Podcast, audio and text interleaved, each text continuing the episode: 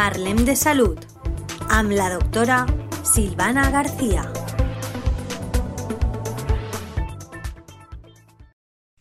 Hola oyentes de la Tegua Radio, otro jueves juntos y esta vez hablaremos de la anafilaxia.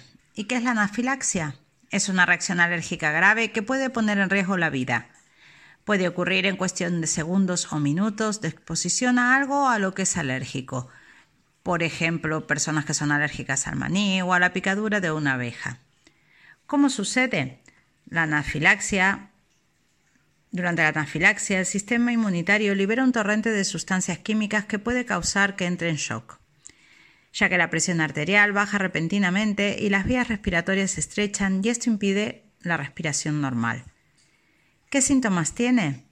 Presión arterial baja, a lo que llamamos hipotensión, constricción de las vías respiratorias o inflamación de la lengua o de la garganta, que a veces puede causar alguna sibilancia, que son esos pitidos que oímos al respirar dificultad para respirar, pulso débil o acelerado, náuseas, vómitos o diarrea, mareos o desmayos, reacciones cutáneas como urticaria, picazón, palidez o enrojecimiento de la piel, entre otras.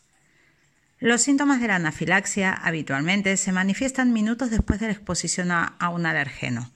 En ocasiones pueden manifestarse a la media hora o más después de la exposición. Estos síntomas en general no ponen en riesgo la vida, pero una reacción alérgica grave puede provocar anafilaxia y por consiguiente a veces la muerte.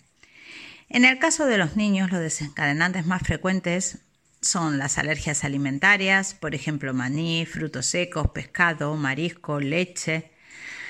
También pueden provocar anafilaxia determinados medicamentos, antibióticos, aspirina, otros analgésicos de venta libre, contraste por vía intravenosa que se usan para algunas pruebas de diagnóstico por imágenes, también las picaduras de abejas, de avispas, avispones, hormigas rojas, el látex, por ejemplo.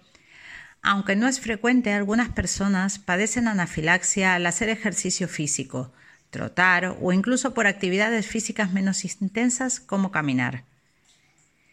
¿Y cuáles son los factores de riesgo? haber tenido una anafilaxia previa, ya que si alguna vez se tuvo alguna anafilaxia, el riesgo de tener otra reacción grave es mayor.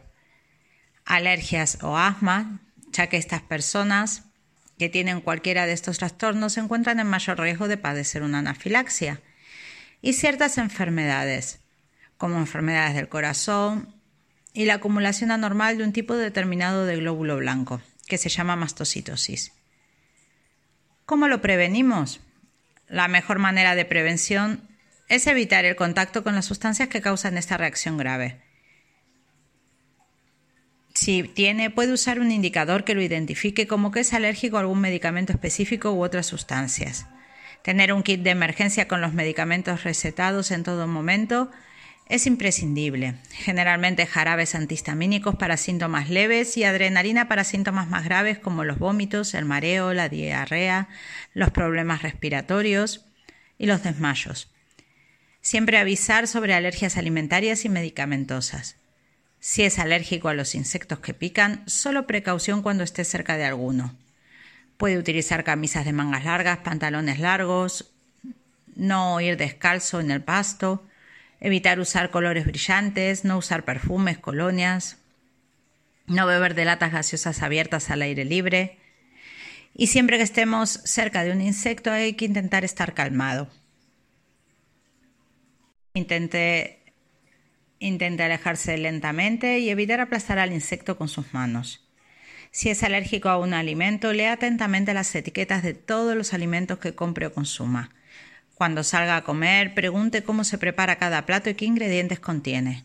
Incluso una pequeña cantidad de alimento al que es alérgico puede causarle una reacción grave. Recuerde siempre estar preparado, porque si la anafilaxia no se trata de inmediato puede ser mortal. Bueno, espero que les haya gustado, gracias por estar y compartir. Los saluda Silvana.